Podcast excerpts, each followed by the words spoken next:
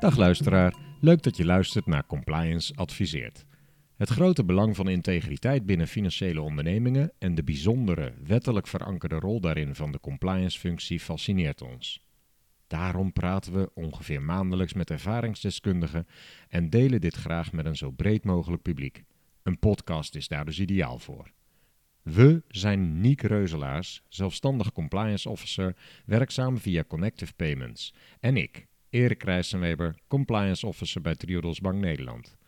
En eh, compliance adviseert, abonneer je op deze podcast, zodat je geen gesprek mist. In deze aflevering van de podcastserie Compliance Adviseert vertelt Arno Voerman over het UBO-register. Kort gezegd, alle bedrijven worden verplicht de uiteindelijk begunstigde van de onderneming te registreren. Wat kunnen we van dat UBO-register verwachten? Wanneer wordt het ingevoerd? Kunnen financiële instellingen uiteindelijk stoppen met het op omslachtige wijze bepalen van de UBO? Want dat haal je straks natuurlijk gewoon uit het register. En waar moeten we als compliance officer verder nog rekening mee houden? We vragen het allemaal en nog veel meer aan Arno Voerman, partneradvocaat bij Dentons in Amsterdam. En voorheen bijna 18 jaar en partner bij Van Doornen Advocaat in Amsterdam. Arno is in de betaalwereld alom gerespecteerd om zijn kennis en advies op het vlak van de Payment Services Directive en FinTech. Over PSD2 schreef hij ook een boek bij uitgeverij Paris BV. Maar over het UBO-register kun je Arno ook alles rustig vragen. En dat doen we dan ook met veel belangstelling. Welkom Arno in onze studio. Dankjewel Erik. Fijn dat je bij ons wilt bijpraten. En om te beginnen, kun je een korte schets geven van, uh, van de wetgeving? Nee, dat uh, doe ik graag Erik. De wetgeving die net is aangenomen, en daar gaan we zo ook nog even op in, schrijft voor dat ondernemingen die in Nederland zijn gevestigd, informatie over de uiteindelijk belanghebbenden bij de Kamer van Koophandel moeten opgeven. En iemand is uiteindelijk belanghebbend als hij de formele of de uh, feitelijke zeggenschap heeft over een vennootschap. Dan moet je denken aan een uh, besloten vennootschap of een naamloze vennootschap. Maar dat kunnen ook andere uh, juridische entiteiten zijn, zoals bijvoorbeeld een stichting. Dus die zijn allemaal in scope van deze ja, nieuwe regels. En zij moeten zich met die informatie over die uiteindelijk belanghebbenden bij de Kamer van Koophandel registreren. Wat beoogt de wetgever te bereiken met, uh, met deze wetgeving? Ja, de wijziging die ja, nu net is aangenomen vloeit voort uit Europese richtlijnen. Uh, en die richtlijnen die hebben een algemeen doel om uh, witwassen tegen te gaan en ook het financieren van terrorisme tegen te gaan. En is onderkend dat daar vaak vennootschap of rechtspersonen voor worden misbruikt. En om daar meer zicht op te krijgen, om zicht te krijgen op wie uh, de eigenaren zijn en degene die echt zeggenschap hebben over de rechtspersonen, uh, heeft de Europese wetgever bedacht dat het goed is om dat transparant te krijgen. Dus transparant door het opnemen in openbare uh, registers. En dat opnemen heeft een, een aantal doelen. Aan de ene kant bied je dan de mogelijkheid om aan financiële instellingen of aan bijvoorbeeld handelspartners, aan leveranciers, heel snel inzicht te krijgen in uh, het eigendom van ondernemingen. Dus je weet heel snel met wie je zaken doet. En je kan ook kijken van, hey, wil ik wel met zo'n partij uh, zaken doen? Of zijn er redenen om nog wat verder onderzoek te doen? Aan de andere kant geeft het ook inzicht voor bijvoorbeeld journalisten om te kijken van, hey, we zien dat een uh, bepaald bedrijf in een persbericht of in een onderzoek uh, betrokken is. Maar wie zit er daar nu eigenlijk achter? Het is natuurlijk heel makkelijk om een vennootschap uh, op te richten. Um, en je misschien achter zo'n vennootschap te verschuilen voor goede of voor slechte doeleinden. Um, maar op het moment dat de identiteit van de eigenaren ja, verborgen blijft, dan kun je redelijk anoniem zaken doen. En dat anoniem zaken doen, dat wordt nu met deze uh, transparantieverplichtingen ja, wordt dat opgeheven. Nou, als journalist heb ik al gezegd, maar eigenlijk ook zegt de wetgever van het heeft ook een hele ja, belangrijke preventieve werking. Want eigenaren die misschien wat minder goede bedoelingen hebben met vennootschappen, die zullen er misschien nu wel voor terugdeinzen om die vennootschappen daarvoor te gaan gebruiken. Omdat ze weten dat ze ja, met hun hele hebben en houden in het register ja, zichtbaar worden. En dat het dus voor iedereen heel snel duidelijk is wie achter zulke bedrijven zitten. Dus aan de ene kant gaat het om snel informatie krijgen. Aan de andere kant die hele duidelijke uh, preventieve werking die ja, de wetgever met, uh, met het UBO-register beoogt. Je zei al, het is zojuist aangenomen. Uh, wanneer verwacht je invoering van de wet? Wanneer moeten bedrijven zich hieraan gaan houden? Ja, de wet is door de Eerste Kamer op 23 juni van dit jaar aangenomen. En het aannemen van de wet door de Eerste Kamer is dan nog niet voldoende, want er moet nog publicatie in de staatscourant plaatsvinden. En zodra dat dan is gebeurd, dan zal er ook een, een, datum bij staan wanneer de wet daadwerkelijk in werking treedt. Maar dat kan eigenlijk op ieder moment gebeuren. En wat er dan vervolgens gebeurt, is dat bedrijven die daar onder die handelsregisterwet vallen, want daar wordt het dus uh, opgenomen, die krijgen 18 maanden uh, de tijd om de uiteindelijk belanghebbende in het register op te nemen. Dus stel dat de wet begin juli wordt aangenomen, dan vanaf juli en dan 18 maanden verder. En dan zit je aan het einde van uh, ja, 2021 en dan zou het register helemaal gevuld moeten zijn met de informatie over de uiteindelijk belanghebbenden. We hebben het hier over een EU-wet. Heeft Nederland nog gebruik gemaakt van lidstaatopties als die er waren? Zo ja, welke? Ja, het is goed dat je dat vraagt, uh, Erik. Zoals ik al zei, die, die invoering van het UBO-register dat is een verplichting die volgt uit Europese richtlijnen. Het gaat dan om de, ja, de vierde anti-witwasrichtlijn en wat dan de vijfde anti-witwasrichtlijn wordt genoemd. Dat is eigenlijk een herziening van de vierde, maar wordt in de wandelgangen de vijfde anti-witwasrichtlijn genoemd. Nou, richtlijn betekent dat het nog niet onmiddellijk uh, in de Europese lidstaten werkt, maar dat het in nationale wetgeving moet worden omgezet. En het systeem hierbij is dat het minimumharmonisatie is. Dus er is ook inderdaad ruimte voor lidstaten om nog wat aanvullende onderdelen uh, op te nemen. En daar heeft de Nederlandse wetgever ook gebruik van gemaakt. En uh, wel op drie punten. Ten eerste schrijft de wetgeving nu voor dat je aanvullende informatie uh, moet verstrekken. En ik ga er zo even op in wat die aanvullende informatie precies is. Er is ook voorzien in het systeem dat als je toegang wil krijgen tot het UBO-register, als bijvoorbeeld een handelspartner of nou ja, eigenlijk wie dan ook die uh, interesse heeft in dat register, dat je jezelf bij uh, de Kamer van Koophandel moet registreren, zodat in ieder geval de Kamer van Koophandel zicht heeft uh, op degene die de informatie opvraagt. Je moet er ook een vergoeding voor betalen, dus dat is ook een lidstaat-optie. en natuurlijk heel belangrijk is dat er ook een ja, een afschermingsregime is geïntroduceerd in geval van uitzonderlijke omstandigheden. Nou, daar gaan we dadelijk ook nog wel uh, verder op in. Hè, maar er is ehm, ja, een zekere bescherming voor bijzondere gevallen is gewaarborgd. En misschien is het wel, ik, ik zei net al, het, het systeem in Nederland voorziet in aanvullende gegevens. Als je eigenlijk teruggaat naar de richtlijn, dan zie je dat een aantal gegevens of een aantal ja, informatieonderdelen, uh, die moeten sowieso aan de Kamer van Koophandel worden doorgegeven. En dat gaat dan om de voornaam en de achternaam van de uiteindelijk belanghebbende, geboortemaand en geboortejaar, uh, nationaliteit, woonstaat en uiteindelijk ook de aard en omvang van het belang dat de ja, we hebben het dan steeds over de UBO. Uh, laten we maar in dit gesprek ook maar niet meer over uiteindelijk belanghebbenden, maar over de UBO uh, spreken. Nu dat begrijpen we het Dat wel. is wat makkelijker. Ja. Ja. En dat gaat dan om bepaalde bandbreedtes die je moet opgeven. En die bandbreedtes, die, uh, dat gaat met percentages van 25 procent. dus van 25 tot 50, of van 50 tot 75, of van 75 tot en met 100. Nou, dat zijn de openbare gegevens. Maar de Nederlandse wetgever heeft nu gezegd: ja, maar dat is eigenlijk niet voldoende. En er zijn dus meer gegevens die je wel moet doorgeven, maar die op zich niet voor iedereen toegankelijk zijn. Voor, voordat je daarop ja. verder gaat, over de kwestie openbaar. We hadden ook net gehoord, je moet zelf eerst geregistreerd staan om erbij te mogen.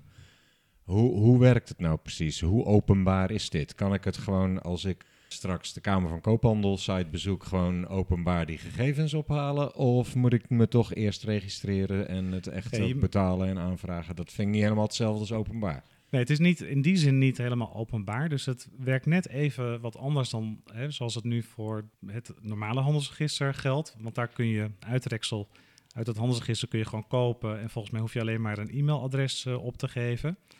Uh, als je nu toegang tot dat UBO-register wil hebben, ja, dan moet je. Ik denk dat de Kamer van Koophandel met een, een customer account gaat werken. En ja, je zult jezelf moeten identificeren om uiteindelijk van dat deel van het handelsregister, want dat wordt wel een deel hè, van het handelsregister, het UBO-register. Ja, je zult jezelf kenbaar moeten maken. Dus ja, het is op zich openbaar, omdat in feite het open staat voor iedereen. Alleen er is wel een drempel om erbij te komen. Ja, ja. Je, je moet in ieder geval een account hebben bij de ja, KVK. Oké, we pakken de draad weer op bij uh, welke andere gegevens dan nog opgeslagen moeten worden volgens de Nederlandse regering. Ja, dus dan heb je het over de, ja, de niet openbare gegevens. En dat zijn uiteindelijk hè, voor uh, nee, de toezichthouders, maar eigenlijk ook voor banken en andere financiële instellingen, zijn natuurlijk hele belangrijke gegevens. Ik zei net al, openbaar is de uh, geboortemaand en geboortejaar. Maar wat niet een openbaar gegeven is, is de geboortedag. Nou, dat is wel iets wat je wel moet doorgeven. Maar dat zal dus niet voor iedereen toegankelijk zijn. En dat is uiteindelijk ja, voor de, de waarde van het UBO-register. Ja, kun je daar wat vraagtekens bij plaatsen. Of dat dan heel handig is dat je bijvoorbeeld een geboortedag als bank niet kent. Nou, we gaan daar zo nog wel even op de waarde van dat UBO-register verder in. Nou, datzelfde geldt hè, voor de geboorteland en een geboorteplaats. Dat zijn gegevens die allemaal in dat niet openbare gedeelte terecht gaan komen. Uh, ook een burgerservice nummer, een afschrift van paspoort of, of rijbewijs. Dat wordt allemaal wel verplicht in dat register uh, opgenomen. Dus dat moet je dan ook gaan verstrekken. Maar goed, dat is dus alleen maar ja, voor bepaalde overheidsdiensten dadelijk toegankelijk. Niet voor die banken? Die Niet voor de banken, nee, nee. klopt. Oké. Wie gaat het register beheren? We hebben het net al over de KVK gehad. Zij zijn ook echt degene die het zelf beheren of wordt dat ergens anders belegd? Nee, dat is de opname van het Uber-register. Dat vindt gewoon plaats in het handelsregister. Nou, het handelsregister dat wordt al beheerd uh, door de Kamer van Koophandel. Mm -hmm. En ja, de wetgever heeft gezegd van god, dan is het ook logisch dat de Kamer van Koophandel ook dat UBO-register gaat, uh, gaat beheren. Dus en aan wie legt KVK dan ver, vervolgens nog verantwoording af? Met andere woorden, is daar nog toezicht op vanuit de overheid? Of? Toezicht in die zin dat de Kamer van Koophandel is wat dan heet een bestuursorgaan. Dus als belanghebbende kun je uiteindelijk besluiten van de Kamer van Koophandel aan de bestuursrechter voorleggen. Dus stel dat de Kamer van Koophandel iets wel of niet registreert, of iets fout registreert, ja, dan kun je eerst bezwaar aantekenen bij de Kamer van Koophandel. En als je het daar vervolgens niet mee eens bent, dan kun je beroep aantekenen bij de bestuursrechter. Dus uiteindelijk is het de rechter die ja, het handelen van de Kamer van Koophandel kan toetsen. -hmm. Oké. Um, Laten we dan nu eerst ingaan op um, de, We komen later in dit gesprek op wat het betekent voor financiële instellingen en uh, WWFT-instellingen. Die naam haal ik trouwens een beetje door elkaar, misschien hier en daar. Maar we gaan eerst in op wat het betekent voor bestaande ondernemingen. Welke impact verwacht je voor ondernemingen in het algemeen? Voor ondernemingen komt er een, een extra uh, administratieve last. Uh, je zult nu heel actief bij je eigen aandeelhouders allerlei documentatie moeten gaan opvragen. En vervolgens moet je die documentatie uh, gaan beoordelen. Uh, je moet gaan toetsen of iemand op basis van de wettelijke criteria als uiteindelijk belanghebbende telt. En dat kan verschillen per ja, juridische entiteit. En vervolgens, als je dan die analyse hebt verricht, ja, dan zul je naar de Kamer van Koophandel moeten om die gegevens daar ja, te laten registreren. Maar, denk je dat bedrijven eruit komen om voor zichzelf vast te stellen, dit zijn mijn UBO's dus? Want uh, laten we eerlijk zijn, als expert is het vaak al lastig om dat bij een constructie uh, boven water te krijgen. Weten bedrijven wie ze als UBO moeten aangeven bij de KVK? Nou, dat is een goed punt. Uh, het, zal heel erg afhangen van natuurlijk de complexiteit van, van een onderneming. Op het moment dat je twee of drie aandeelhouders hebt, ja, en die zijn direct bij het bedrijf betrokken, dan is dat heel simpel. En dan, dan weet je het ook meteen. Maar op het moment dat je te maken hebt met allerlei tussenholdings die of in Nederland of in het buitenland zijn gevestigd en waarboven weer allerlei fondsen zitten uh, met bepaalde ja, ingewikkelde aandeelhoudersstructuren, ja, is het een hele puzzel. En normaal zal binnen dergelijke groepen heb je altijd wel een corporate secretary die er goed zicht uh, op hebt. Dus als Nederlandse ja, dochtervennootschap zul je wel hulp uh, krijgen van een corporate secretary. Maar goed, dat zal niet altijd het geval zijn. En dan, ja, dan zul je toch echt zelf moeten gaan spitten en moeten gaan doorvragen. En vervolgens ook maar hopen dat de aandeelhouders, dat die jou dus ook gaan, gaan helpen uh, bij, dat, bij dat puzzeltje.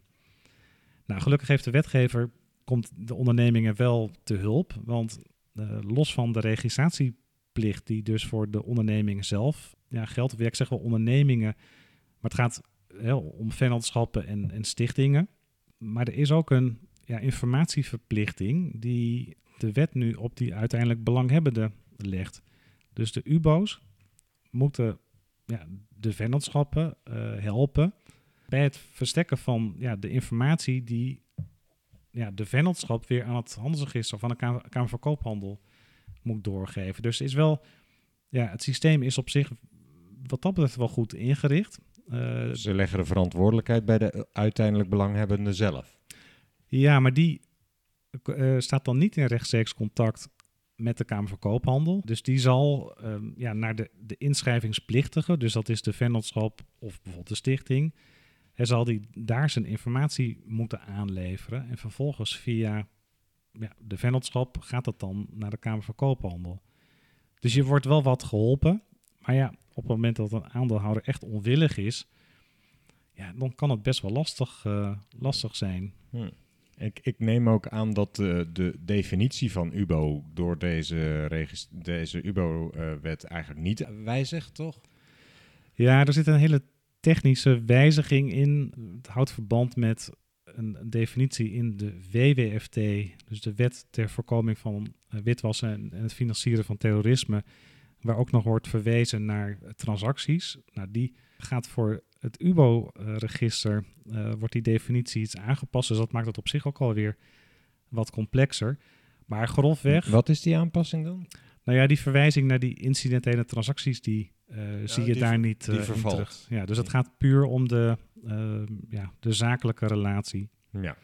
Mm -hmm. Maar over het algemeen hè, wijzigt dat dan niet. En als je het heel grof ja, moet samenvatten, ja, dan gaat het om aandeelhouders die ja, 25% of meer aandelen in bijvoorbeeld een vennootschap hebben of vergelijkbare zeggenschapsrechten. En vervolgens heb je nog een, ja, een soort restcategorie uh, dat ook op basis van andere ja, omstandigheden iemand, hè, bijvoorbeeld dan door feitelijke zeggenschap, het toch als een UBO kan kwalificeren. Ja, dat is de zogenaamde pseudo-UBO waar je het nu over hebt, denk ik. Nou, de pseudo-UBO is een, een andere figuur. Want het kan zijn dat, hè, dat er een aandeelhouder is die bijvoorbeeld 20% aandelen heeft, maar misschien bijzondere zeggenschapsrechten of zich eigenlijk... Ja, op basis van statuten bijvoorbeeld. Van, van statuten of op basis van de, de feitelijke verhoudingen de lakens uitdeelt in een onderneming. Ja. Uh, die kwalificeert dan toch ook als UBO. En de pseudo-UBO waar jij uh, op doelt, dat is op het moment dat je eigenlijk geen UBO kan vaststellen. Mm -hmm. Ja, er moet altijd een UBO worden opgegeven. Zo was dat al bij financiële ondernemingen. Klopt. Maar dat blijft dus uh, gehandhaafd ook op het moment dat een onderneming zich meldt bij de KVK. Ja, dat wijzigt niet. Ze mogen dus ook pseudo-UBO's Ja, ze mogen pseudo-UBO's aandragen. En een pseudo-UBO is dan iemand... Uh, ja, er wordt dan verwezen naar het hoger leidinggevend personeel. Mm -hmm. het, dat zal dan de pseudo-UBO zijn. Bij afwezigheid van een directe UBO. Be klopt, ja. ja. Stel dat dat een stichting of een kerkgenootschap is, die uh, onderneming die zich moet melden bij de KVK. En uh, die hebben een stuk of tien uh, dagelijks bestuurders.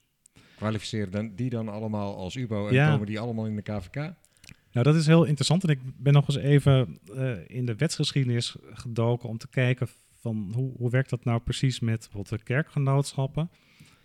Um, en dat, dat ligt daar wel wat ingewikkelder, omdat je bijvoorbeeld eerst gaat kijken naar de situatie, uh, wat er gebeurt als een kerkgenootschap ophoudt te bestaan. Hm. Um, en wie heeft dan ja, recht op een uitdeling? Nou, als dat niet tot een UBO leidt, ja, dan mag je kijken naar degene die uh, volgens het statuut van een kerkgenootschap eigenlijk tot het bestuur worden gerekend. Hmm. Maar dat betekent niet per se dat als er tien kerkbestuurders zijn, dat ze per se allemaal als UBO kwalificeren. Maar ja, dat is nog wel een, een ja, wat lastige categorie. Ja, en sowieso hebben ja, de kerkgenootschappen tijdens de, de behandeling bij de Tweede en Eerste Kamer heel veel aandacht uh, gekregen omdat de regering aanvankelijk had bedoeld om de registratieverplichting niet op te nemen voor de kerkgenootschappen. En uiteindelijk, uh, op basis van een motie in de Tweede Kamer, is dat toch alsnog weer uh, ja, eigenlijk teruggedraaid. En zijn kerkgenootschappen nu ook uh, verplicht om de UBO's te laten registreren. En dat wordt voor kerkgenootschappen zelf dus misschien ook een beetje een puzzel. Ja, dat, dat, dat, dat zou kunnen. Op basis van statuten wordt dat dan. Wat, het lijkt mij wel interessant wat er gebeurt op het moment dat de, het kerkgenootschap naar eer en geweten zegt: Dit zijn mijn UBO's. En dat vervolgens financiële instellingen gaat analyseren op basis van de statuten. Volgens ons zijn dit de UBO's. En maar goed, daar komen we later in het gesprek. Ja, dit Is, uh, dat is een leuk thema. Dus dat uh, ja, ja, parkeren we nog even. Die gaan we verder ja. uitdiepen later. Maar we hebben het al over wat verschillen in uh, rechtspersonen gehad. Zijn er nog meer verschillen waar verschillende typen rechtspersonen rekening mee moeten houden? Ja, wat, wat, wat van belang is, is dat er wat uitzonderingen zijn. Dus niet alle rechtspersonen die zijn registratieplichtig. Welke niet? Nou, je hebt bijvoorbeeld ehm, ehm, genoteerde vennootschappen. Dus vennootschappen die een beursnotering hebben, die um, hebben geen registratieverplichting, omdat op basis van de het transparantievereisen die al gelden voor dergelijke uh, vennootschappen al ja, inzicht moet worden gegeven in de, de, de, de eigenaar of de, de aandeelhouders. Ongeacht de beurs waar men genoteerd is? Stel dat dat ergens in Azië is of zo. Ja, die, nou, dat is een goede vraag. Ik eh, moet die even parkeren, want dat, ik, die weet ik even niet. Nou ja, nee, nee misschien zijn ze er ook nog niet helemaal uit. Ik weet het niet. Ja. En andere uitzonderingen? Nou, er geldt ook een uitzondering voor de 100% dochters van genoteerde vennootschappen. Dus stel dat je als Nederlandse vennootschap een, een volle dochter bent van een vennootschap die ergens anders is genoteerd of die, die is genoteerd, dan hoef je ook niet te registreren. Hoe, hoe bedoel je genoteerd nu? Ja, ook, ook aan een beurs. Aan een beurs, ja. Oh, oké. Ja, ja. En dat is wel een, ja, iets wat in andere lidstaten weer, weer anders wordt opgepakt. Dus het is wel weer iets specifiek uh, voor Nederland. Mm -hmm. En wat misschien goed is om nog even te benadrukken, is dat hè, de registratieplicht in Nederland geldt dus voor Nederlandse rechtspersonen. Dus op het moment dat je ja, je bent een, vestiging in Nederland van een Duitse uh, vennootschap, dan heb je in Nederland geen registratieplicht, maar zal hè, de, de Duitse hoofdvestiging, dus waar de, ja, waar de zetel is, die zal ja, in Duitsland op basis van de lokale wetgeving daar in Duitsland de UBO's moeten laten registreren. Geldt die uh, verplichting om UBO te registreren niet voor die Nederlandse uh, onderneming? Want die is toch in Nederland dan actief? Ja, maar het is, als het dan een, ja, een, een branch of een eigen vestiging is, maar niet een zelfstandige rechtspersoon, dus gewoon een onderdeel van een buitenlandse rechtspersoon, dan hoef je alleen maar naar het buitenland toe. Dus ja, in, in, mijn voorbeeld ja. kom je alleen maar in Duitsland dan terecht. Ja, ja. Maar als het werkelijk hier een uh, onderneming is die zelf ook een KVK-nummer heeft, zeg maar, en dan wel 100% ouders in Duitsland bijvoorbeeld, dan neem ik aan dat die verplichting voor die Nederlandse onderneming ook geldt. Ja, als het een, een Nederlandse ja, besloten vennootschap is, dan wel. Dus een, het moet een aparte rechtspersoon zijn met een eigen inschrijving. Mm Maar als het onderdeel is van een buitenlandse rechtspersoon met een eigen KVK-nummer, dan niet. Oké. Dus je moet onderscheid maken tussen een, ja, een, een onderdeel hè, met, met een eigen zelfstandige rechtspersoonlijkheid. Dan geldt wel de registratieplicht. Als je onderdeel bent, maar je bent niet zelf een zelfstandige rechtspersoon, maar je bent eigenlijk gewoon een, ja, een bijkantoor hè, van, in mijn voorbeeld, de Duitse vennootschap. Dan hoeft alleen het hoofdkantoor in Duitsland in het Duitse UBO-register de UBO's te laten registreren. Maar ik, ik, stel me wel voor dat die branche in Nederland klant kan worden van een financiële instelling. Of zou dat dan ook. Dat kan, ja. ja maar dan, dus dan moet je dus in Duitsland bij het register gaan aankloppen. Dan moet je in Duitsland inderdaad kijken wie er dan als UBO's staan geregistreerd. Hm. Ik weet niet hoe vaak dit voor gaat komen hoor, dus misschien moeten we er niet al te ver op ingaan. Maar het lijkt me ook wel weer interessant wat er dan gebeurt als je als Nederlands financiële instelling ontdekt: hé, hey, er klopt iets niet aan die UBO-registratie. Dan moet je dat misschien ook weer in Duitsland gaan. Ja. Maar ja, die wet in Duitsland heeft weer geen werking op financiële instellingen in Nederland misschien. Nee, klopt. Dus ik weet niet of nou de terugmeldplicht, waar we het nog niet over hebben gehad. Daar gaan we het zo die, over uh, hebben. Of die, die, dan ook geldt. In dat geval ook geldt. Gaan we straks nog op in. We moeten aardig wat vasthouden zo. We hebben het gehad over rechtspersonen die uitgesloten waren van de verplichting. Waren er nog meer of niet? Ja, er zijn er nog wel uh, wat meer. Je hebt bijvoorbeeld de, er zijn wat bijzondere uh, rechtspersonen die, uh, waar het risico op, op witwassen heel klein wordt geacht. En een voorbeeld daarvan is de Vereniging van Eigenaren. Dus stel dat je ja, in een appartementencomplex woont en er is een vereniging van eigenaren. Nou, de vereniging is een rechtspersoon. Maar daar heeft de wetgever van gezegd, ja, daar zien we eigenlijk niet in hoe zo'n vereniging zou kunnen worden gebruikt voor witwas, omdat zo'n vereniging een heel beperkt doel heeft. Dus die zijn uh, uitgesloten. Uh, je hebt ook nog een categorie, categorie ja, historische rechtspersonen. Ja, ik ben daar niet, heel, niet verder in gedoken, maar begrijp wel dat, dat dat rechtspersonen zijn die, ja, die kunnen nu niet meer, hè, die categorie, ja, dat, de naam zegt het al historisch, uh, maar het is een gesloten groep. En daarvan heeft de wetgever ook gezegd van, ja, die uh, hoeven ook niet. Hm. Dus het is wel een kwestie, ja, ik denk voor de praktijk. Dat de meeste ondernemingen er gewoon wel onder Val je er meestal wel onder, tenzij je dus een volle dochter bent ja, van een beursgenoteerde onderneming. Dus dan, dat is eigenlijk, denk ik, voor nou ja, hè, de, de luisteraars, uh, denk ik, de belangrijkste categorie. Je hoort of, of leest wel eens dat er bezwaren zijn tegen het registreren van UBO's. Bijvoorbeeld ondernemers die bang zijn voor afpersing of ontvoering van kinderen. Of uh, misschien wel om andere reden bezwaren. Uh, in hoeverre houdt de wet rekening met deze bezwaren? Nou ja, dat is de, de derde lidstaatoptie waar we het al even over hebben gehad. Um, op het moment dat je dus ja, voorziet dat registratie van jouw gegevens tot ja, een veiligheidsrisico uh, kan leiden. Of dat je inderdaad bang bent bijvoorbeeld voor ontvoering of voor andere impact op je, op je gezin of op je... Privacy. Op je Wordt ook aangedragen. Ja, de privacy in zijn algemeenheid is niet iets wat kan zorgen voor afscherming. Want daar hebben we het dan over. Op het moment dat er bijzondere omstandigheden uh, spelen, kun je dus de Kamer van Koophandel vragen om afscherming van de gegevens. De privacy als zodanig is niet een valide grond, want nou, daar zijn ook heel veel adviezen over geweest. Uh, ook de Raad van State heeft daarover geadviseerd, maar de Raad van State heeft gezegd: ja, de Europese wetgever heeft deze afweging al gemaakt. Dus op het hoogste wetgevende niveau is al een afweging gemaakt tussen aan de ene kant uh, het belang bij de openbaarheid, aan de andere kant de privacy.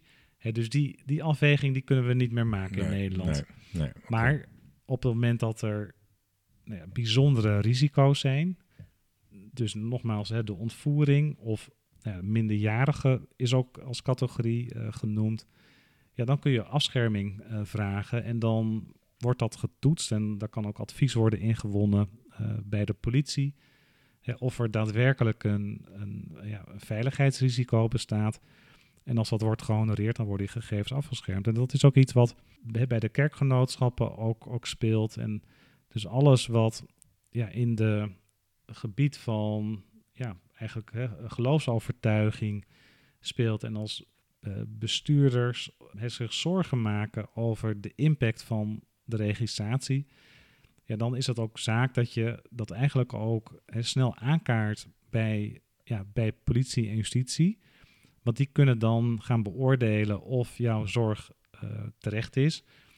En als dat wordt uh, ja, aanvaard, dan is het ook makkelijker om uiteindelijk bij de Kamer van Koophandel die afscherming te krijgen. Ja, dus dat zou ook wel de weg zijn om daarvoor in aanmerking te komen ja. via politie bijvoorbeeld. Ja. Nou hebben we het over EU-wetgeving gehad. Stel een Amerikaanse onderneming. Ik doe, noem even een voorbeeld, iets van buiten EU. Daar gelden misschien weer andere privacyregels ook. Uh, zie jij daar risico op conflicten tussen deze invoering van deze wet en privacywetgeving buiten de EU? Zou dat kunnen leiden tot uh, toch niet het openbaren van UBO's in het register? Ja, dat is. Kijk, uiteindelijk de verplichtingen die nu zijn, of die worden geïntroduceerd, die, hè, die rusten op Nederlandse ja, rechtspersonen. Die zullen dus de uh, informatie ja, moeten ophalen bij hun aandeelhouders. Op het moment dat er een Amerikaanse aandeelhouder is die zegt: Ja, maar ja, ik uh, ga dat niet geven en ik beroep me op uh, Amerikaanse privacyregels. Ja, ik vrees toch dat, dat voor de Nederlandse ja, rechtspersoon er geen andere optie is dan, dan toch tot die registratie over te gaan. Ik heb echt niet deze, een hele leuke vraag. Ik ben hem niet, niet op deze manier in die, ja, de wetsgeschiedenis tegengekomen, hoe je daar dan, dan specifiek mee, uh, mee omgaat. Behalve dat, dat ja, eigenlijk is gezegd, hè, de, de, ja, de privacy ja, geven we eigenlijk voor dit deel op. Eh, ja, ja, ja, Voor, het, voor het hogere belang, namelijk... Bestrijding van witwassen. Klopt, ja. ja. Oké. Okay. En als je dan bekijkt dat er reacties komen van ja, we, we zijn er niet heel blij mee om UBO-gegevens prijs te geven. Uh, wat verwacht je dat bedrijven gaan doen? Voorzie je dat ze op een bepaalde manier proberen uh, eronder uit te komen? Ja, wat ga, wat ga je doen? Hè? Ga eens even nadenken. Ja. Als een... nou ja, dat, dat. Kijk, een simpele uh, maatregel is natuurlijk om te zorgen dat je je, je belang uh, verwatert tot ja, onder de 25%. Maar ja, het betekent ook wel dat je dus daarmee ja, uh, controle en zeggen. Dus opgeeft. Ja, Dat, is, dat zal, ehm, ja, als dat ja, in de praktijk zal dat denk ik niet gaan gebeuren. Je voorziet ook niet een grote vlucht naar de ja, Malediven of zo? Nou ja, dat, ja, dat, dat, dat kan natuurlijk gebeuren. Aan de andere kant, Zwitserland. Wat, wat is de impact hè, als je, je je onderneming gaat uh, verplaatsen um, en bedrijven, of nou laat ik het zo zeggen, hè, banken die zien dat je aanvankelijk uh, het tot aan de wet ja, gewoon een keurig Nederlands bedrijf was. Uh, hmm. de wet is in werking getreden, het UBO-register nou ja, functioneert. En opeens wijk je uit naar een land waar geen UBO-register is. Ja. ja. ik denk dat dat... Uh, Lijkt me niet bevorderlijk voor het zaken doen. Nou ja, dat, dus uiteindelijk heeft het misschien dan wel vanuit de, de optiek van de wetgever wel het gewenste ja, resultaat. Omdat je daarmee ja, bedrijven wegjaagt, ja. weert. Ja. Vervolgens is dat een signaal voor allerlei bedrijven hier in, in Europa en voor financiële instellingen ja, en op het moment dat die dus dan weigeren om zaken met jou te gaan doen, ja, dan heb je uh, ja, je doel bereikt. Uh, nou ja, misschien dat er dan duizend en één andere manieren zijn uh, om alsnog Europa binnen te komen. Maar je duwt ze op die manier wel uit, uit de markt. Tja, ja. nou ja, ik denk dat uiteindelijk, om nog even op jouw vraag terug te komen, op het moment dat ja, mensen proberen te het kan, het, het, kan natuurlijk altijd. En je zult vast zien dat er heel veel voorbeelden zijn waar van alles wordt geprobeerd. Maar zeker ook nog met de terugmeldplicht. Ja, we, we, we, zijn al een half uur onderweg en daar gaan we het echt nog over hebben voordat we af moeten sluiten. Dus laten we eens kijken eh, wat de impact is van het UBO-register op financiële ondernemingen. Wat dienen financiële ondernemingen of instellingen precies zelf te doen om te voldoen aan de wet? Welke aanpassingen in beleid of procedures zullen noodzakelijk zijn? Voor de financiële instellingen, of eigenlijk instellingen die onder de WWFT vallen, want dat zijn niet per se uh, alleen maar financiële instellingen, uh, geldt dat ze nee, het handelsregister, dat was natuurlijk altijd al een verplichting, maar je zult er ook het handelsregister moeten gaan controleren op de, de UBO-gegevens. Nou, dat is stap 1. Nou, dat is nog redelijk overzichtelijk, want dat is eigenlijk niet meer of anders dadelijk dan het, uh, ja, het opvragen van een uittrekseltje. Maar je, je zegt het handelsregister controleren, maar dat is toch al gebeurd, want die onderneming heeft zich al moeten inschrijven bij de KVK. Er staat in de wet eigenlijk niet dat je als instelling die onder de WWFT valt, uh, meteen je hele clientbase opnieuw uh, moet gaan controleren op UBO's. He, dus er is nog niet een onmiddellijke noodzaak om dadelijk uh, dat UBO-register en masse te gaan raadplegen en te zorgen dat je dus voor al je honderden of duizenden ja, cliënten, rechtspersonen, om dat meteen te actualiseren. Ja, dat wordt nog niet als eis gesteld. Dat is niet als eis. Wanneer moet je dat wel doen? Als er op basis van de WWFT sowieso een, een aanleiding is om nieuw cliëntenonderzoek te doen voor bestaande relaties. Event-driven of uh, review. Klopt. En dan, dan zul je dus ook in dat UBO-register moeten gaan kijken. Maar goed, we hebben net al vastgesteld dat dat UBO-register een onderdeel is van het handelsregister. Dus dat is eigenlijk gewoon, nou ja, ik noem het maar even het, het uittrekseltje KVK. En dan plus, inclusief UBO. Plus, plus ja. UBO. Ja. Nou, dat, dat is eigenlijk nog het makkelijke deel. Hè, dat, dat is iets wat je dadelijk gewoon, nou ja, denk ik, gewoon automatisch kan doen.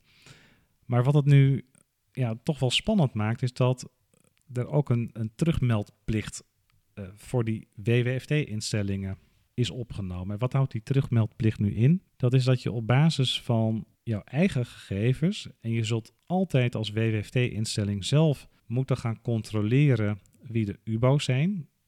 Nou, zelf controleren betekent dat je mag kijken in het UBO-register. Maar het UBO-register is eigenlijk niet meer of anders dan een hulpmiddel.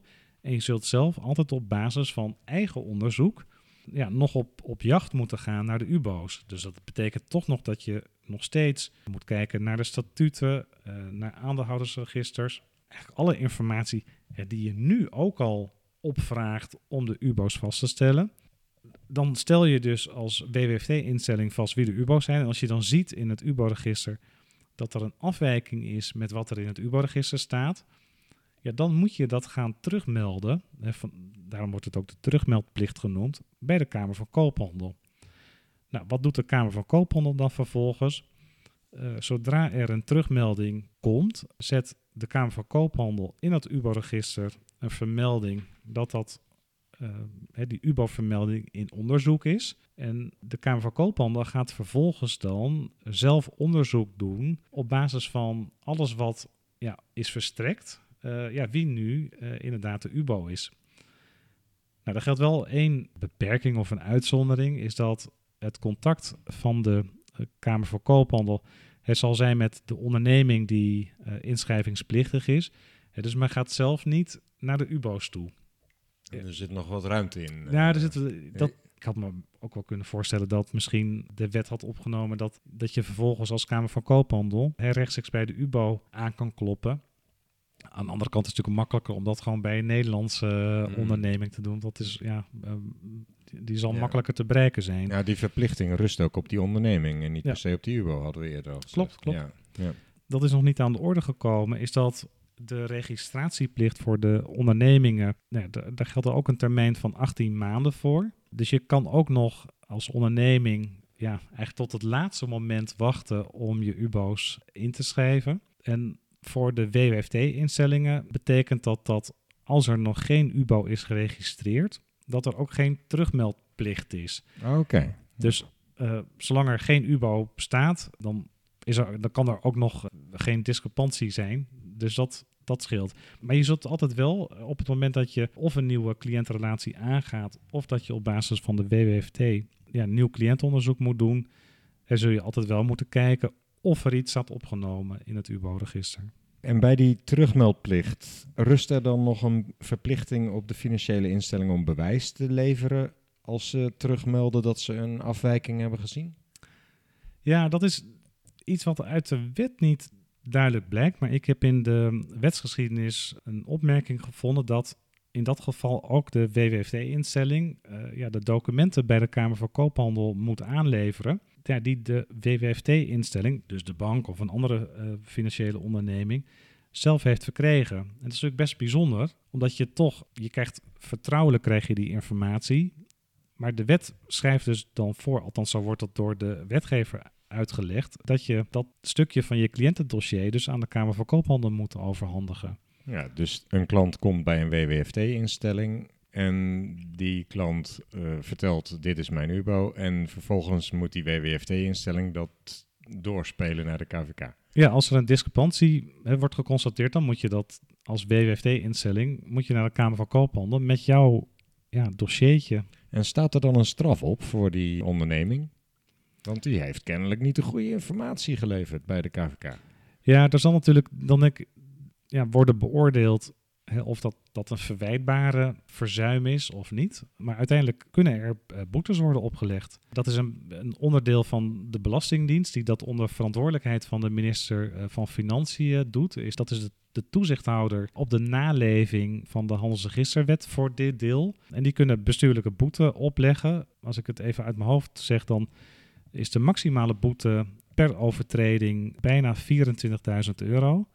Dus dat is ja, natuurlijk een beetje afhankelijk van hè, de omvang van, van de onderneming best force. Oké, maar dat eh, is de boete voor de onderneming. Is er dan ook nog een boete uh, als een WWFT-instelling de terugmeldplicht niet naleeft?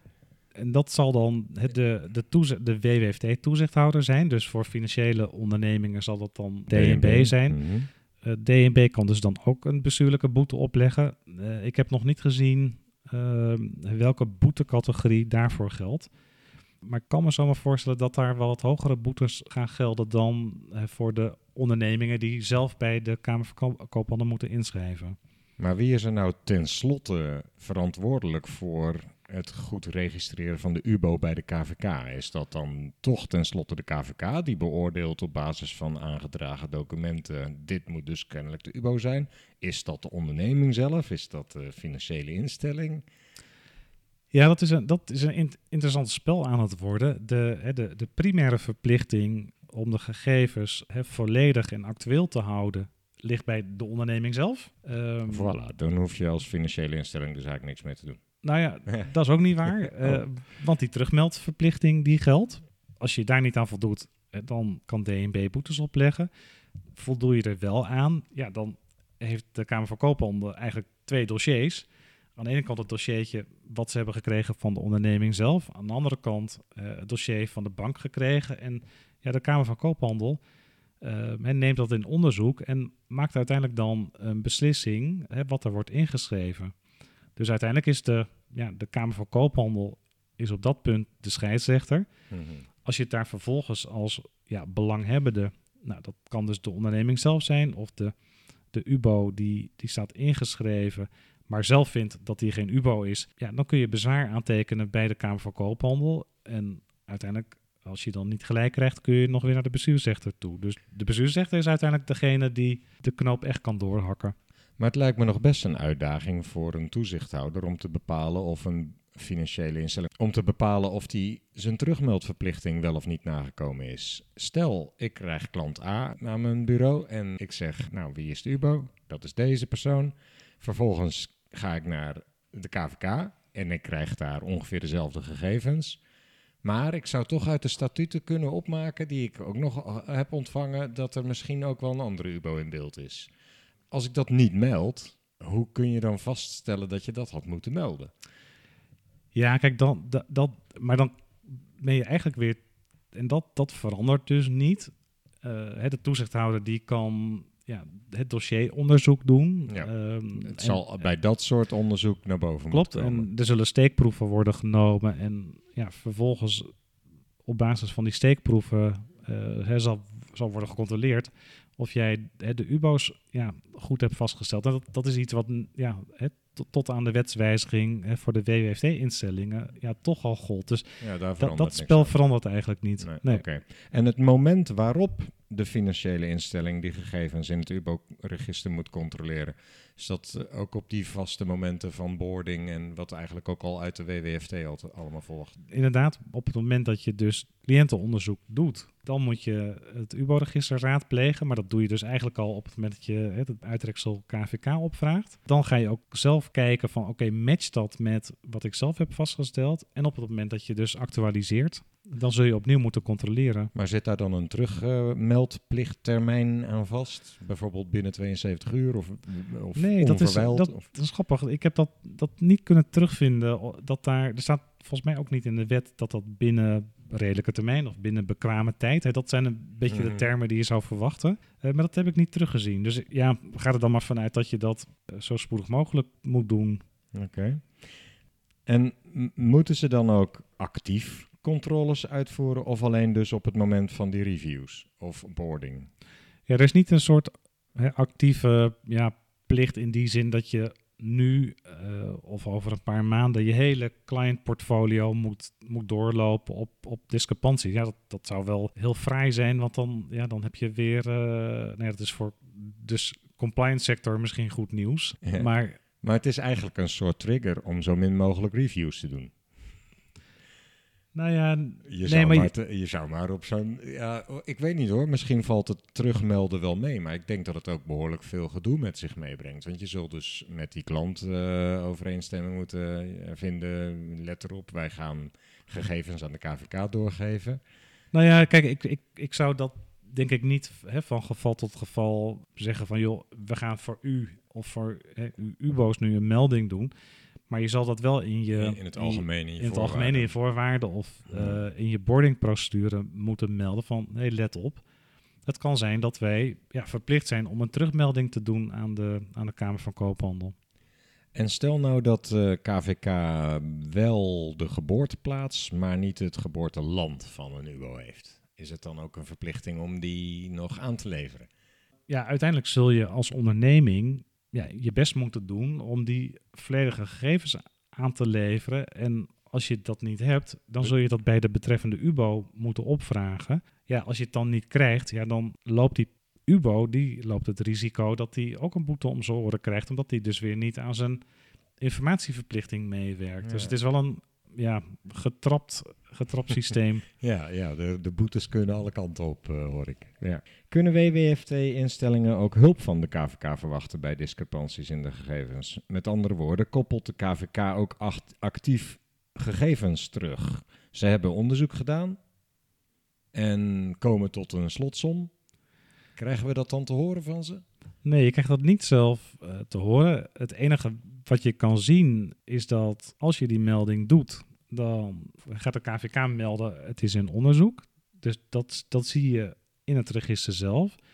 Nou, zodra het onderzoek is afgerond en de Kamer van Koophandel tot een beslissing is gekomen, ja, dan of het blijft hetzelfde en de melding ja, in onderzoek verdwijnt.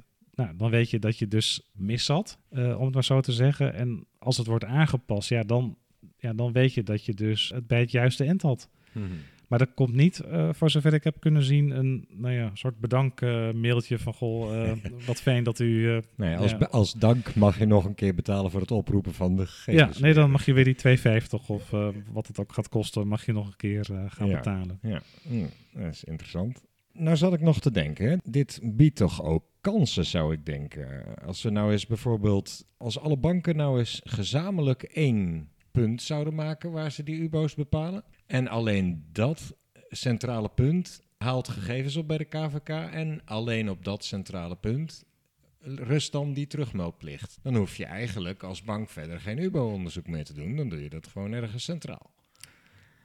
Maar ja, je wilt de gegevens van je klanten natuurlijk niet met iedereen delen.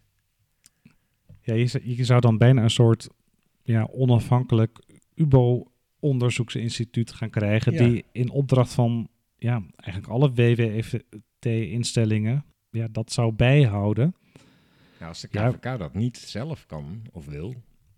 Ja, misschien, ja, misschien dat je daar een businessmodel van kan maken. dat je, hè, dat je zegt heb van. Je, heb je nog ergens een middag over? Ja, dat je. Een businessplan. Dat je, zo, dat, dat je de UBO-kluis wordt. Hè? Dat je zegt van. Goh, nou ja, wij zijn uh, instituut uh, Sussum en zo.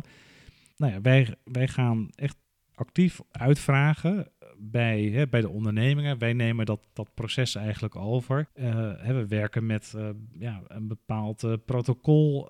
nou ja, en hè, misschien met een bepaald keurmerk. Ik kan me best voorstellen dat dat weer dingen dan is het voor banken misschien bijna wel weer een soort uitbesteding. Maar dat er uiteindelijk wel iets centraals gaat komen. Hoewel, ja, je hebt natuurlijk wel weer met privacy aspecten te maken. Dus. Mm. Maar het, helpt, het, het heft wel het probleem van de discrepanties op. Want als bank A uh, iets anders zegt tegen de KVK dan bank B over uh, de UBO-bepaling, dan, dan lijkt het me wel interessant uh, veel hoeveelheid werk wat de KVK op zijn nek krijgt. Ja, nee, dat, dat, dat, ja, je, je, je gaat het dan in feite filter je dan er al van tevoren uit. Maar ik denk dat er best wel wat privacy uh, ja, aspecten gaat, gaan. Dat gaat hem niet worden. Oké, okay, nee. ander idee. Sanctie en pepcheck. Als het toch allemaal daar bij de KVK ja. ligt, die UBO-gegevens, ja. nou, laat zij dan ook meteen de pep en de sanctiecheck doen. Ja, dat is, dat is een heel charmant idee. Het enige is dat alleen de handelsregisterwet daar niet in voorziet. Hè? Dus de, de Kamer van Koophandel heeft gewoon geen rol in het kader van een PEP uh, of een sanctiecheck. Dus ja, ja. in een ideale wereld hè, zou je dat allemaal inderdaad het liefste bij één ja, centraal orgaan hebben leggen. Uh, dat zou denk ik voor heel veel instellingen uh, een welkome aanvulling zijn. Want dan hoef je dat allemaal zelf niet te doen. En dan plug je gewoon in in de database van, van de Kamer van Koophandel. Maar goed, tot nu toe ja, zit dat niet in het takenpakket. Helaas. Ja, wat is dan volgens jou... Ja, de toegevoegde waarde is... we krijgen een veiliger wereld bij het bestrijden van witwassen. Maar zitten er verder nog leuke kanten aan dit verhaal? Nou ja, dat... Als we nou de balans opmaken, denk je dat we er iets mee opschieten? Nou, ik denk dat je, een, dat je misschien toch een, een verschuiving gaat zien van ja, bedrijven met wat minder goede bedoelingen uh, naar ja, landen waar geen UBO-register is. Dus dat, ik denk, nou ja, dat, dat is alleen maar goed. Ja, uh, absoluut. Dus, dus dat is de, de preventieve werking waar de wetgever uh, het oog op, ook op heeft. Ehm, maar goed, het gaat dus gepaard met heel veel administratieve rompslomp. Ja, zo noem ik het maar. Het is, dat, ja, er komt best wel wat bij kijken. Het zal ehm, ook, denk ik, bij heel veel aandeelhouders misschien ja, tot weer uh, ja, extra, uh, extra gedoe leiden. En ook voor de WWFT-instellingen ja, betekent dit nog weer een verzwaring van de, de compliance-taken. Want er komt toch een de extra verplichting bij om het te controleren en bij discrepanties om dat terug te melden. En kijk, het liefste zou je natuurlijk zien dat uiteindelijk hè, de WWFT ook zegt van oké, als dat systeem dan ja, eigenlijk al zo gebalanceerd is. Aan de ene kant heb je de onderneming die het zelf moet doorgeven. Uh, aan de andere kant heb je de WWFT-instellingen die discrepanties moeten melden. Nou, als dat systeem allemaal goed werkt, dan, dan zou je ook als WWFT-instelling uiteindelijk ook moeten kunnen vertrouwen op dat, dat UBO-register. Maar dat, ja, daar is dus niet voor gekozen. Uh, hè, er, staat uitdrukkelijk in de wet van ja, je mag hier niet uitsluitend op vertrouwen. Dus je moet je eigen onderzoek blijven doen. En je kunt dan wel de vraag stellen van ja, hè, wat, is dan, wat is dan eigenlijk het nut uh, van het UBO-register als je aan de ene kant als WWFT-instelling er niet op mag vertrouwen het aan de andere kant bovendien ook nog niet eens volledig is, of in ieder geval niet voor de informatie die, die openbaar is. Hè, dus een geboortedag is niet openbaar. Als WWFT-instelling kun je de geboortedag niet zien. Ja, dat maakt het dus bijna ook onmogelijk op basis van de gegevens die je uit de Kamer voor Koophandel of uit het UBO-register haalt, om bijvoorbeeld uh, de, de PEP en, en sanctiechecks uh, te doen. Omdat je ja, je zult dat dan toch uit andere bronnen moeten halen. Ja. De geboortedatum van dagelijks bestuurder staat wel gewoon al, altijd al volledig in de KVK als je die ophaalt. Ja, klopt. Ik, ik weet ook niet waarom nu eigenlijk voor dat deel is gezegd dat dat naar het niet openbare deel uh, moet. Nee, Nou is, is nog wel van belang dat, want er wordt vanuit de, ja, de, de bankaire sector, ook met het ministerie van Financiën hier nog steeds over gesproken. Dus de Nederlandse wetgever gaat er naar kijken of het een, een, een inhaalslag of eigenlijk een beetje een reparatiewetgeving, uh, of dat toch misschien nog weer in het openbare gedeelte kan komen. Dus het is, nou ja, zeg maar, die strijd is nog niet, uh, niet uitgemaakt. Nee. Ja. Inmiddels hebben we gezien dat er al in een aantal landen in Europa het uh, UBO-register is ingevoerd. In België hebben ze het bijvoorbeeld al een poosje. Uh, zijn er bepaalde takeaways, learnings? Nou, het leuke is, en, en, daar hebben we even naar gekeken, als je nu kijkt naar uh, landen waar het UBO-register al is ingevoerd, dan zie je best wel wat verschillen in, in toepassing daarvan. Als je kijkt naar bijvoorbeeld België, daar is wel een online systeem, het is ook in het Engels, maar een Nederlandse bank die kan weer geen toegang krijgen tot dat Belgische systeem. want je moet dus, om daar uh, in dat Belgische UBO-register toegang te krijgen, dan moet je een, ja, een Belgische bank zijn. In Polen, nou, daar hebben ze eigenlijk alles opengezet. Je hoeft ook geen kosten te betalen. er is ook geen informatie afgeschermd. Uh, je kan als buitenlandse entiteit heb je volledig toegang. Maar dan komt het bijzondere, het is weer niet in het Engels. Uh, dus nou ja, ik weet niet hoe jouw Pools is. Ja, in Frankrijk zie je dat, uh, nou, dat het bijvoorbeeld weer niet online is. Dus daar uh, moet je een verzoekschrift indienen. Dus dat is ja, ook nog weer op de, op de ouderwetse manier. Ja, dus je ziet heel veel kleurverschillen per land. Terwijl de Nederlandse wetgever heeft gezegd: Goh, nou ja, we, hebben, ja, we ver, verwachten eigenlijk wel van WWFT-instellingen. dat ook al staat er niet een hele harde verplichting in de Nederlandse wetgeving om de buitenlandse registers te raadplegen maar dat je dat wel doet. Uiteindelijk is het, is het doel wel dat al die Europese registers aan elkaar worden gekoppeld. Dus dat betekent dat dadelijk met, met één systeem, hè, dat je dus in Nederland ook toegang zou moeten krijgen tot alle uh, registraties in, in de andere lidstaten. Maar ja, zolang dat er nog niet is, ja, is het een beetje behelpen. En nog uh, zoeken. wordt het echt zoeken. Vertalen. ja. ja. Nou zijn juridische entiteiten binnen de EU ook niet al best geharmoniseerd. Uh, wel, uh, zie jij, welke gevolgen heeft dat volgens jou? Ja, je zult dan per land en per rechtsstelsel uh, moeten gaan kijken van goh, met, ja, met welk juridisch beestje heb, ik te maken? wat is die rechtsvorm? Hoe zit de, de eigendomsstructuur? Zijn er aandelen of werkt dat anders? Dus je, ja, je zult jezelf daar best in moeten verdiepen. Maar ook dat is eigenlijk dat is niet veranderd door de invoering van het UBO-register. Dat is eigenlijk iets al wat, wat al een tijdje een probleem is. Dus daar zal menig compliance-deskundige uh, of adviseur zich nog moeten in verdiepen. Nou ja, die, nou ja ik, ik hoop niet alsnog in verdiepen, want dat had hij eigenlijk al lang moeten doen. ja. Ik wil graag naar afronding van, uh, van deze podcast. Of wilde je. Nee, nee, nee. Dit is. Uh, want uh, ja, ik denk dat we al behoorlijk. ja, we zitten behoorlijk over de tijd. Ja. maar het is een interessant onderwerp. Er is veel over te zeggen, dat blijkt. Tot slot zou ik dan willen vragen, aanhakend op de titel van deze podcast. Heb jij nog een belangrijk advies voor de luisteraars? Nou, het belangrijkste advies is dat je aan de ene kant niet mag afgaan op het register ja, dat is eigenlijk niet een advies, maar dat is meer een waarschuwing. He, van reken jezelf dus niet rijk uh, met een UBO-register, wat als het goed is na 18 maanden helemaal gevuld is. De toezichthouder DNB die zal nog steeds verlangen dat je je eigen onderzoek doet. Het UBO-register is dus eigenlijk alleen maar een hulpmiddel uh, daarbij. Waar je wel goed naar moet kijken is van, heb ik nu voldoende in mijn proces of in mijn voorwaarden ingeregeld.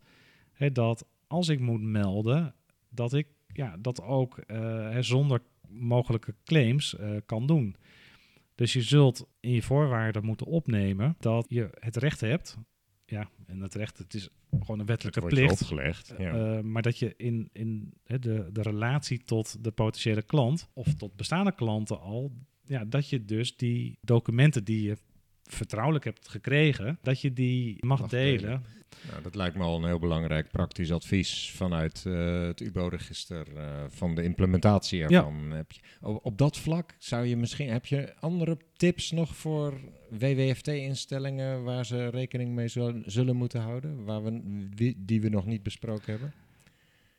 Nou ja, wat, wat natuurlijk wel interessant is, is dat die overgangstermijn van 18 maanden geldt we zeiden net al even, goh, je hè, als onderneming die, die inschrijvingsplichtig is, heb je de keuze om het dus heel lang uit te stellen. Maar als compliance expert moet je misschien wel even nadenken van, goh, gaan we daar nog nader onderzoek naar doen? Het zou mijzelf denk ik meer comfort geven als ik zie dat iemand ja, snel zijn UBO's registreert, want dat laat de goede wil zien. En dat moet je afwegen tegen een uh, onderneming die op de allerlaatste dag uh, nog wat gegevens uh, bij de Kamer van Koophandel deponeert. Ja, is dat aanleiding voor additioneel onderzoek? Ik kan me voorstellen dat je daar misschien toch uiteindelijk wel een onderscheid in, in gaat maken. En dat je die zeker nog wat extra aandacht geeft. Hartelijk bedankt voor alle informatie in deze podcast. Volgens mij hebben we het onderwerp UBO-register uh, van alle kanten belicht op deze manier. Uh, bedankt voor het uh, maken van de tijd en voor het delen van je kennis en ervaring op dit vlak. En heel veel succes bij, bij Dentons, wens ik je.